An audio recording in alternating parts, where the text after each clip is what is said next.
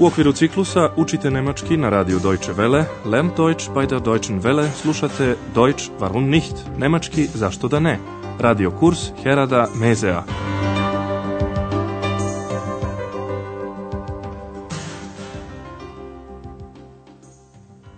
Liebe Hörerinnen und Hörer. Danas ćete slušati 24. lekciju serije 3. Naslov lekcije glasi Mrtvi nisu uvek mrtvi. Tote sind nicht immer tot. U prošloj lekciji dr. Tirman je Andreasu i ex ispričao nešto više o slavnoj bolnici Charité u bivšem istočnom Berlinu. Čujte još jednom zbog čega je Charité toliko slavna. Obratite pažnju na pridevske nastavke. Die Charité war ein weltbekanntes Forschungszentrum. Man hat schon sehr früh komplizierte Operationen gemacht. Aber nicht nur das, es gab eine freie Forschung. Sehr gute Ärzte haben hier gearbeitet und mehrere Nobelpreise erhalten. Und heute? Ich habe gehört, dass es eine Initiative von jungen Ärzten gibt. Sie wollen dieses traditionsreiche alte Haus wieder beleben. U neposrednoj blizini Charité nalazi se staro Doroteen Friedhof, istorijski značajno berlinsko groblje. Tu su pokopani poznati pesnici, muzičari i filozofi. Andreas bi želeo da vidi to groblje, Friedhof. Eks je radoznala i ide sa njim. Čujte najpre razgovor njih dvoje o mrtvima, Toten. Hm, ich möchte heute auf den Dorotheenfriedhof gehen. Friedhof? Mhm. Dort sind die Toten begraben. Weißt du das nicht? Und was willst du bei toten Menschen? Mit Toten kann man doch nicht mehr sprechen. Ach, Ex. Wie soll ich dir das erklären? Tote sind nicht immer tot. Manche leben weiter in meiner Erinnerung, in ihren Liedern, in ihren Texten. Kommst du mit? Ja, das möchte ich mal sehen. Ich war noch nie auf einem Friedhof. Sad ćemo vam bliže objasniti ovaj razgovor. Andreas želi da ode na Dorotheen Friedhof. Ich möchte heute auf den Dorotheenfriedhof gehen. Dorothee je žensko ime. Groblje je nazvano po supruzi nekadašnjeg kneza. Eks nema pojma šta bi moglo da bude groblje. Andreas joj objašnjava. Tamo su sahranjeni mrtvi. Friedhof? Mhm, dort sind die Toten begraben. Weißt du das nicht? Eks ne razume baš najbolje šta Andreja straži kod mrtvih sa kojima više ne može da razgovara. Und was willst du bei toten Menschen? Mit Toten kann man doch nicht mehr sprechen.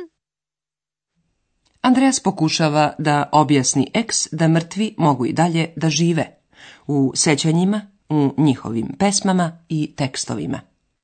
Tote sind nicht immer tot. Manche leben weiter in meiner Erinnerung, in ihren Liedern, in ihren Texten. Sada su njih dvoje na Dorotheen Friedhofu. Među starim, velikim drvećem prolaze pored nadgrobnih ploča na kojima su natpisi sa imenima pokojnika. Eks čita imena umetnika, a Andreja se prisjeća njihovih dela. Pratit ćemo ih na ovom putu. Najpre su prošli pored grobova dvojice poznatih filozofa iz 18. veka, idealiste Fichteja i dijalektičara Hegela.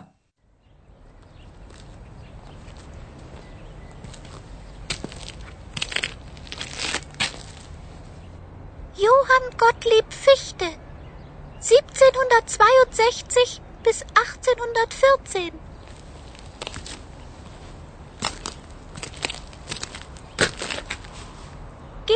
Wilhelm Friedrich Hegel. 1770 bis 1831. Ovdje je sahranjen i Bertolt Brecht, možda poznajete njegovu Drei Groschen Opa. Andreas i Ek su se zadržali pored Brechtovog groba.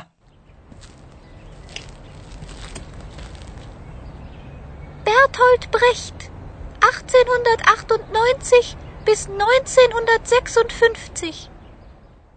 Brecht je bio značajan lirski i dramski pisac. Andreas se prisjeća kraja pesme Potomstvu, Andi Nachgeborenen, koju je Brecht napisao dok je bio u egzilu u Danskoj.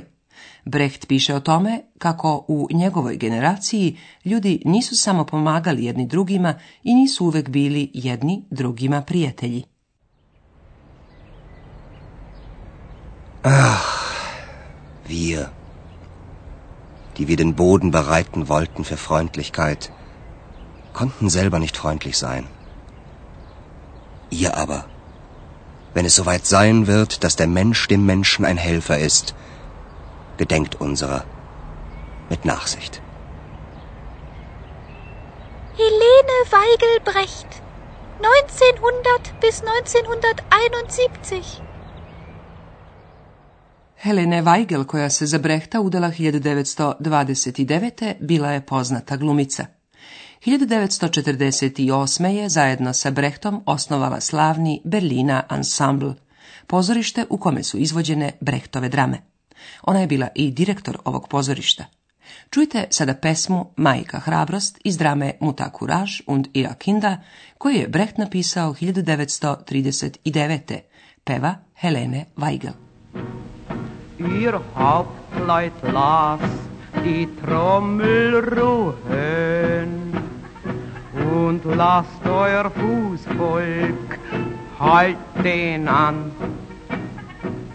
Mutter Courage, die kommt mit Schuhen, in denen's besser laufen kann mit seinen Läusen und Gettieren, Bagagekanonen und Gespann. Soll es euch in die Schlacht marschieren, so will es gute Schuhe Hand. Das Frühjahr kommt, wach auf, du Christ, der Schnee schmützt weg, die Toten rund, und was noch nicht gestorben ist, das macht sich auf die Socken nun. Priča je hronika 30-godišnjeg rata i istovremeno i drama iz koje o ratu može mnogo da se nauči. Mutakuraž je primer siromašnim ljudima koji moraju da pokušaju da prežive ratno doba.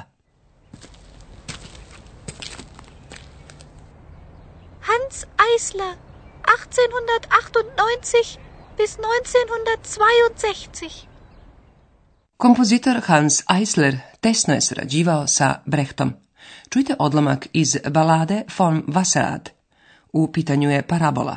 Kao što voda pokreće vodenični točak, tako i veliki broj ljudi radi samo za nekolicinu gospodara, heren. A to ne bi trebalo da bude tako.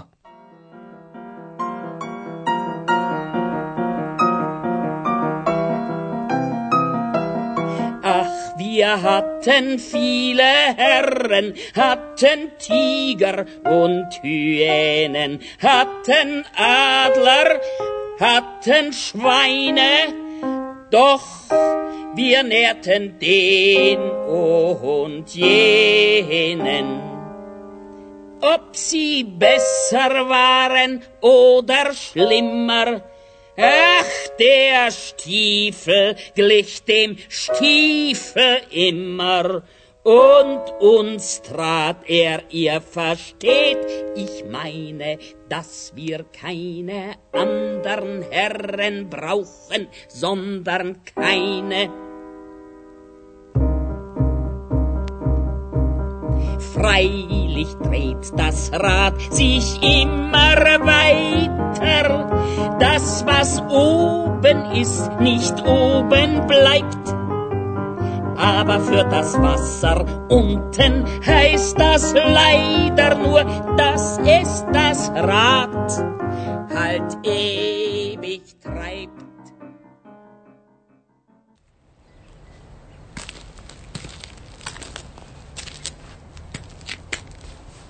Heinrich Mann, 1871 bis 1950. Heinrich Mann, brat Tomasa Mana, umro je u Kaliforniji, malo pre nego što je pokušao da ostvari nameru o povratku u Nemačku. 1905. napisao je roman Profesor Unrat, koji je ekranizovan 1930. pod naslovom Der blaue Engel sa Marlenom Dietrich u glavnoj ulozi. Čujte za kraj jednu pesmu iz ovog filma. Kopf bis Fuß auf Liebe eingestellt, denn das ist meine Welt und sonst gar nicht. Das ist, was soll ich machen, meine Natur. Ich kann halt lieben nur und sonst gar nicht. Männer umschwirren mich wie Motten um das Licht.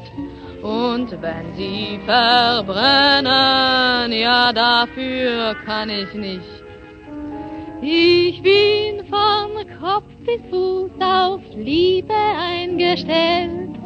Ich kann halt lieben nur und sonst. Tako smo završili obilazak dela Dorotejskog groblja. Ne želimo da vam ometamo utiske gramatičkim objašnjenjima. Saslušajte sada još jednom razgovor Andreasa i X, kao i pojedine tekstove i pesme. Smestite se udobno i pažljivo slušajte.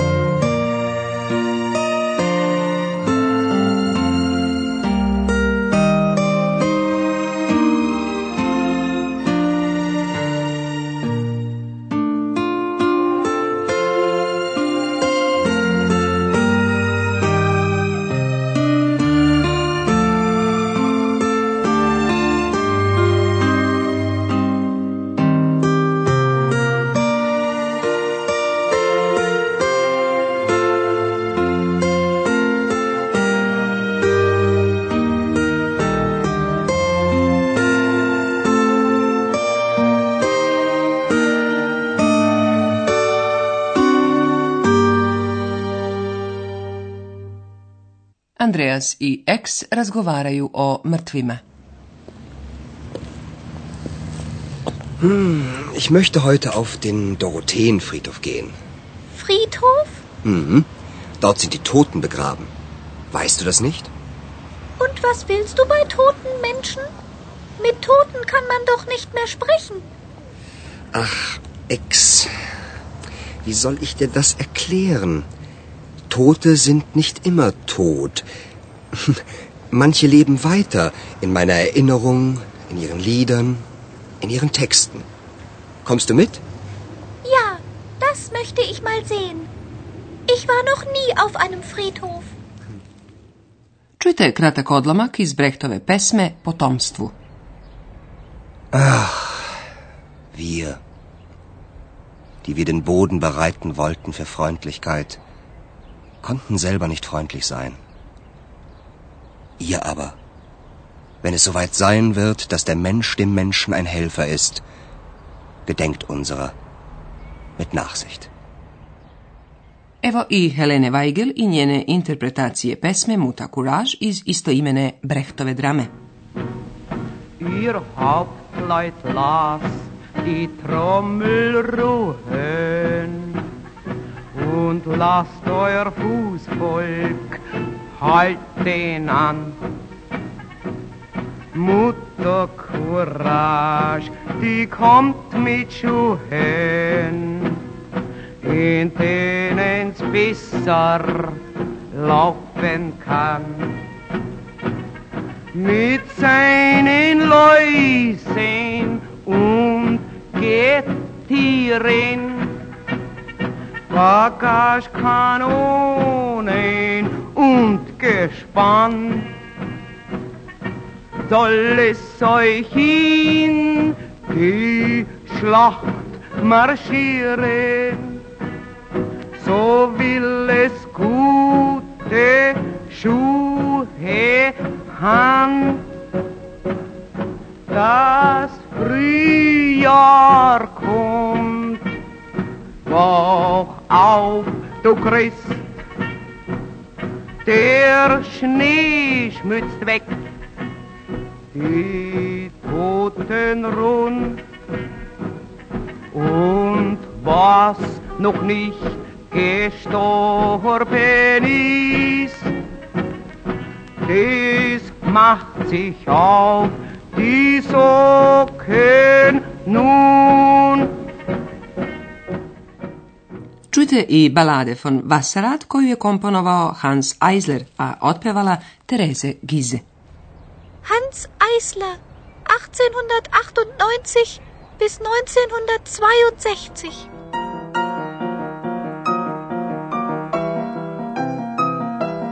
Ach, wir hatten viele Herren, hatten Tiger und Hyänen, hatten Adler, hatten Schweine, doch wir nährten den und jenen.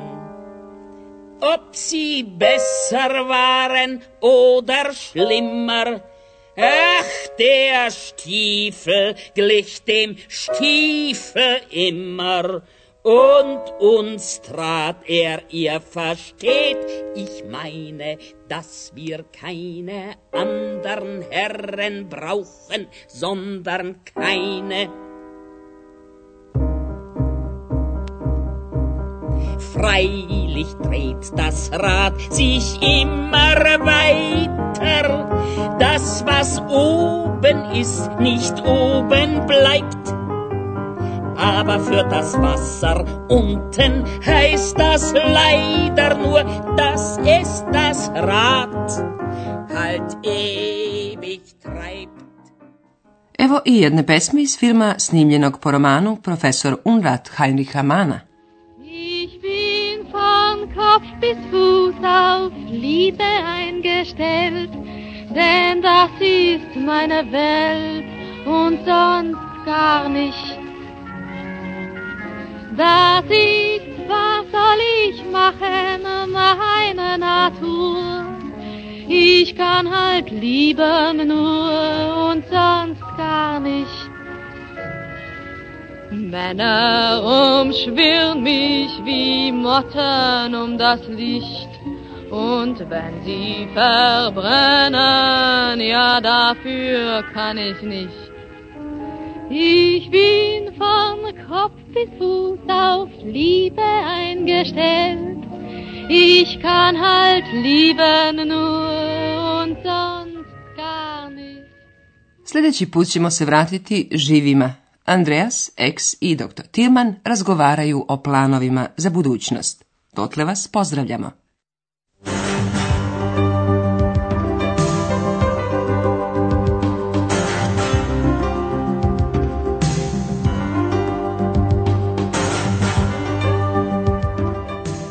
Slušali ste radio kurs Deutsch warum nicht u produkciji Radija Deutsche Welle u saradnji sa Goetheovim institutom u Minhenu.